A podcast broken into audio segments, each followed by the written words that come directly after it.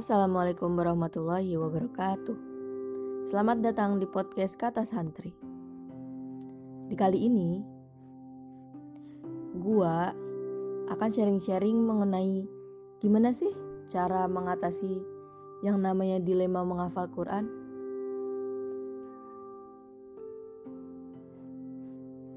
Guys, pernah gak sih kalian ngalamin dilema menghafal Quran?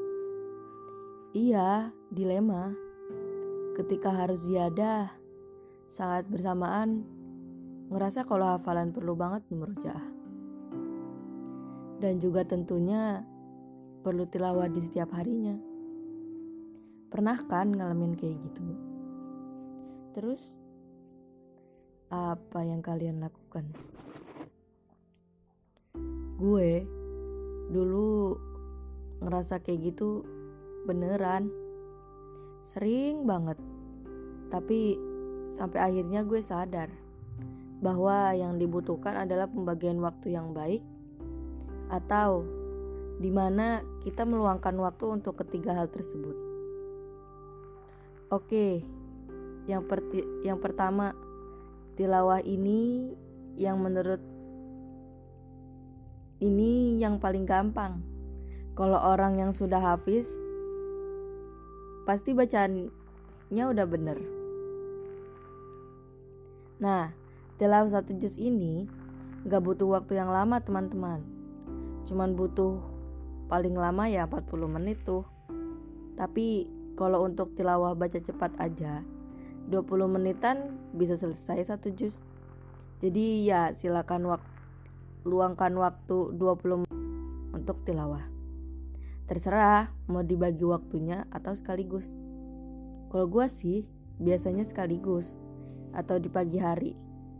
Jadi ya udah nggak nentuin lagi buat tilawah dalam sehari. Oke yang kedua terkait ziyadah. Kalau gue, gue paling seneng ziyadah tuh ba'da subuh.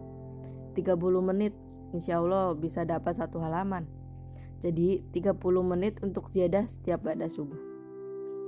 Udah berapa tuh? 50 menit waktu yang kepake. Kemudian untuk merojaah. Nah, sisanya merojaah tuh sebenarnya fleksibel teman-teman. Kalau kita nggak meluangkan waktu buat merojaah, kita bisa pakai banyak waktu yang lain.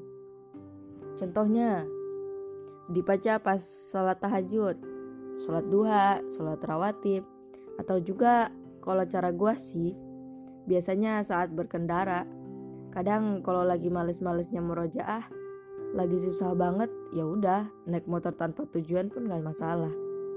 Sambil naik motor, sambil murojaah, itu enak banget kalau menurut gua. Ya udah, ya udah deh teman-teman. Jadi sebenarnya kalau bisa dibilang untuk bisa murojaah satu juz odoj atau tilawah satu juz juga ziyadah rutin setiap harinya itu nggak butuh waktu yang banyak. Paling total 20 menit untuk tilawah. Tadi terus apa namanya ziyadah 30 menit jadi 50 menit. Ditambah untuk merojaah paling 40 menitan kali ya. Untuk satu juz dalam satu hari.